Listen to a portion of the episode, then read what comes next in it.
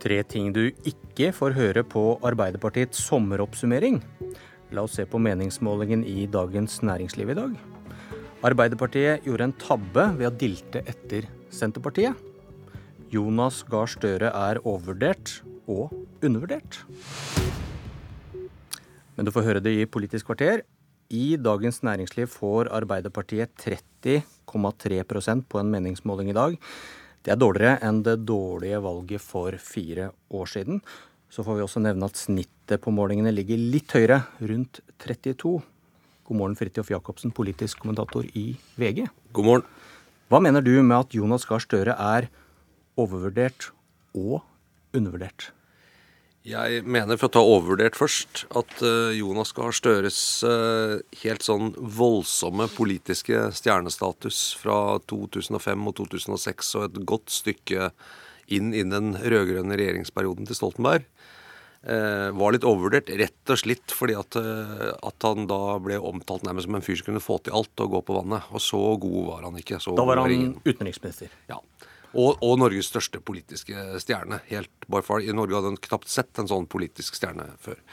Eh, og det, det, er klart ingen klarer helt å leve opp til et sånt bilde. Men, men, det var jo godt nok til at han ble leder i Arbeiderpartiet uten noen form for innsigelser da Stoltenberg skulle gå av. Det var jo en prestasjon i seg sjøl. Eh, så mener jeg at han er undervurdert nå, eh, fordi man er lett å se hans svakheter, at han eh, sliter litt retorisk. Eh, det blir ofte trukket fram at han ikke har på en måte solid bakgrunn i partiet, med alt det innebærer når du skal være partileder. Men hvis man ser på han nå, eh, litt forbi disse mytene og alt det, han, alt det ved han som ikke er Jens Stoltenberg, eller en klassisk Arbeiderpartileder, så ligger de altså på 32% i snitt rett før et valg. Det er ganske høyt. Eh, det er veldig ro og orden i partiet. De har rydda unna en del vanskelige saker. Det ble ikke noe EØS-opprør i LO på den kongressen. De har funnet et Lofoten-kompromiss som har gjort at den saken er ganske stille i partiet.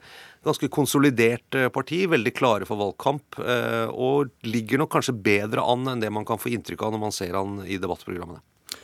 Tone Sofie Aglen, politisk redaktør i Adresseavisen. Hvordan, hvordan syns du Støre har fungert som opposisjonspolitiker?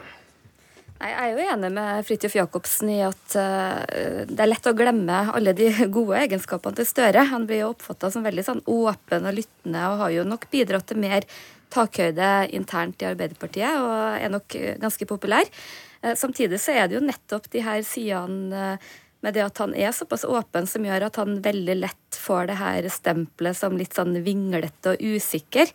Eh, vi ser jo det at eh, han, jeg syns ofte han kommer litt sånn til kort i debatter med Erna Solberg. for det han har lite historikk, han er lite detaljorientert. Og i møte med en statsminister som har hukommelse som ti elefanter, så kommer han ofte litt sånn eh, til kort faglig. Og så er det det at de her gode sidene hans, at han er veldig sånn visjonær og litt sånn superstjerneaktig, det kommer nok veldig til sin rett som utenriksminister, og hvis han nå blir statsminister, så tror jeg det kan være veldig gode egenskaper. Men han mangler litt på den her frekkheten og, og, det å liksom klare å vinne debatter. Da må du være ganske frekk, og det, det tror jeg han sliter med. Og så tror jeg det også de har gjort noen litt sånn strategiske feilgrep eh, kobla med at de har litt uheldige med noen konjunkturer.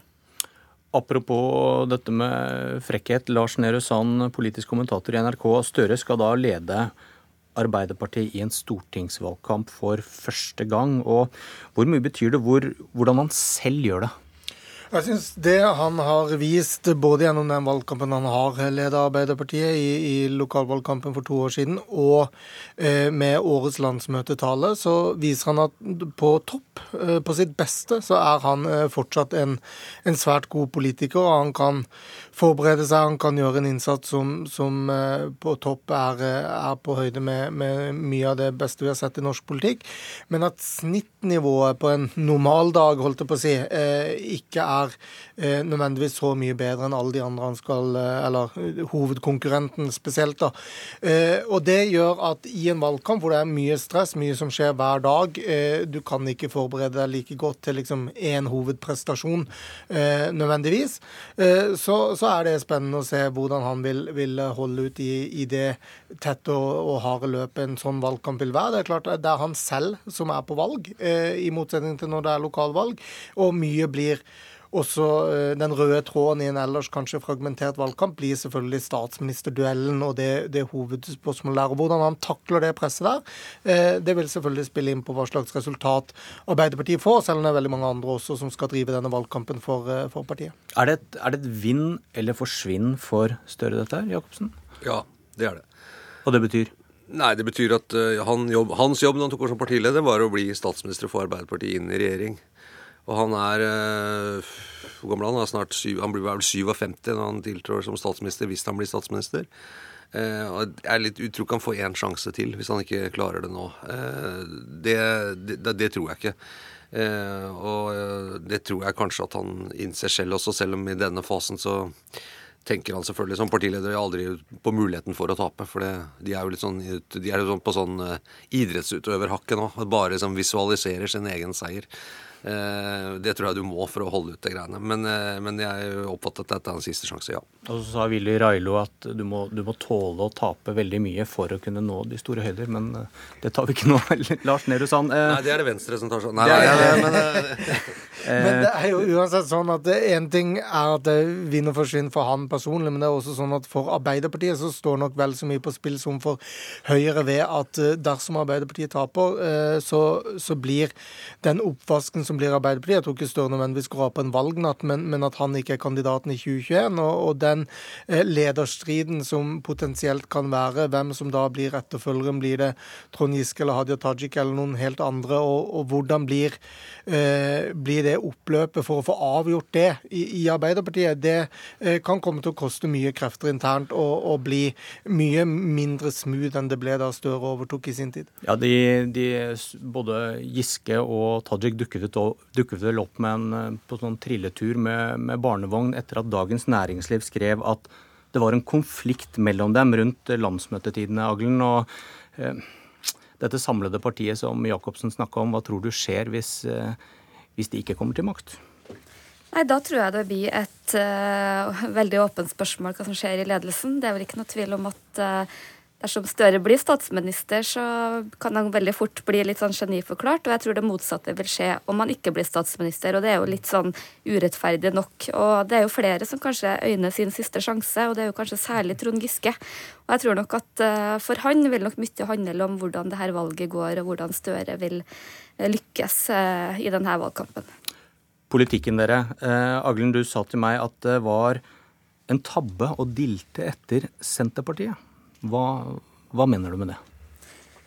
Nei, jeg tror at uh, Arbeiderpartiet fikk litt panikk når de så at Senterpartiet gjorde det så bra på målingene. Og, og jeg tror de la seg veldig tett innpå. Det ble litt sånn Senterpartiet light. Jeg tror For det første så bidro de bare til at uh, Senterpartiet får enda mer oppslutning. For det er litt sånn at uh, velgerne velger originalen, og de bidro også til at dagsordenen dagsorden fortsatte å handle om sentralisering.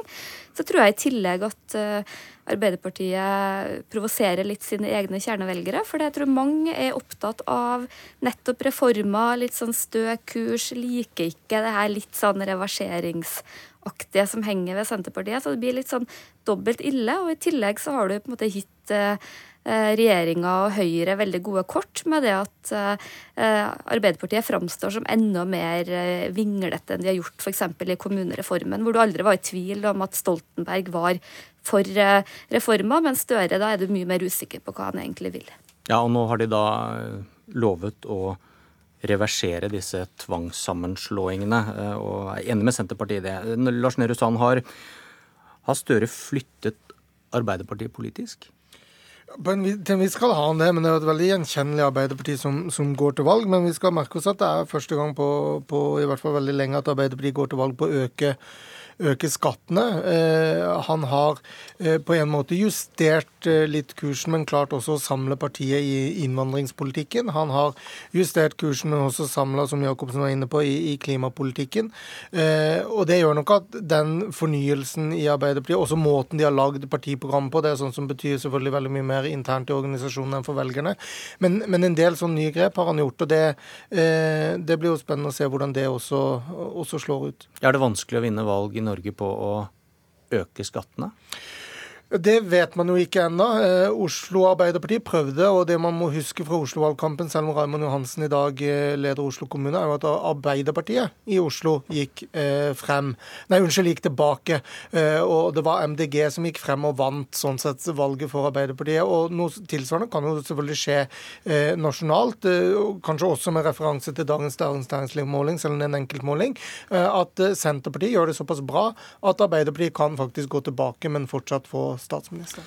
Fridtjof Jacobsen har, har større, grad, større grad enn tidligere latt andre i partiet drive politikkutvikling? Ja, det, har han jo. For under Stoltenberg var det jo nesten ikke politikkutvikling. Det var jo et helt sånn, sentralstyrt uh, parti rundt han.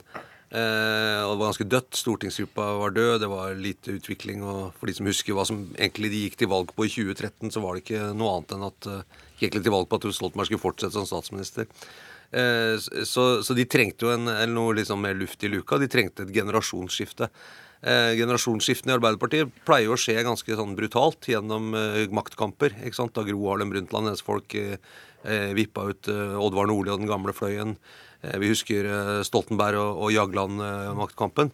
Det som er rart med dette skiftet, er jo at det skjedde veldig harmonisk, og det på en måte er en fra Stoltenberg-generasjonen, kanskje den mest sentrale, bortsett fra Stoltenberg selv, som har tatt over partiet. Men under han, så i apparatet rundt han osv., så, videre, så er det jo veldig mange nye ansikter. Veldig lite igjen av det teamet til Stoltenberg som var dominerende i partiet. Og mange av de også er ute liksom, av verv der. og og Det er jo også derfor en del av kritikken mot Støre kommer, fra de som uh, syns det var bedre før. Det er ikke noe ukjent ting i Norge det at noen syns det var bedre før. Så vil jeg bare si en ting òg, som jeg tror er litt viktig å forstå det er, Når man skal forstå partiers politikk i en valgkamp, så må man se hvilke velgere er det de faktisk vil ha. For Vi har en tendens til å se på det som liksom en duell mellom Høyre og Arbeiderpartiet. Mange klarer man å vinne over fra den andre siden. Hvilke velgere er det man egentlig går etter? Eh, Arbeiderpartiet, så vidt jeg forstår, eh, det de satser på nå for å gi dem et godt valgresultat, er mobilisering. Altså å få folk som valget står mellom Arbeiderpartiet eller sofaen, få de til å gå og stemme. Få opp lojaliteten, altså at eh, like mange som f.eks. i 2009, de samme folka går og stemmer en gang til.